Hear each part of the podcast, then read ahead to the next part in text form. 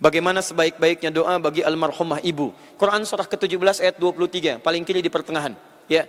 Sampai ayat 24-nya. Wa qadara rabbuka alla ta'budu illa iyyahu wa bil walidaini ihsana. Imma yablughanna indaka al-kibara ahaduhuma aw kilahuma fala lahumā uffin wa la tanharhuma huma qawlan karima wakhfid lahuma janaha dhulli wa qul dan katakan wa qur rabbirhamhuma kama rabbayani saghira. Anda boleh katakan Allahumma arhamhuma kama rabbayani saghira. Allahumma arham ummi ya Allah tolong rahmati ibunda saya. Anda boleh mohonkan istighfar untuk ibunda Anda. Allahumma ighfir laha warhamha wa'fu anha wa'afiha wa'fu anha.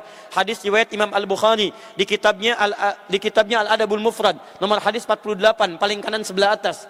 Ketika seorang anak beristighfar untuk bapaknya, ibunya yang ada di alam kuburnya, farufi'at lahu darajah, diangkat di alam kuburnya satu derajat. Maka dia bertanya, mayatnya bertanya, "Ya Rabb, ma hadhihi?" Ya Allah, saya enggak biasa, kok saya diangkat di alam kubur ini? Kenapa saya diberi cahaya? Dijawab kemudian oleh Allah, "Hadhihi istighfarun."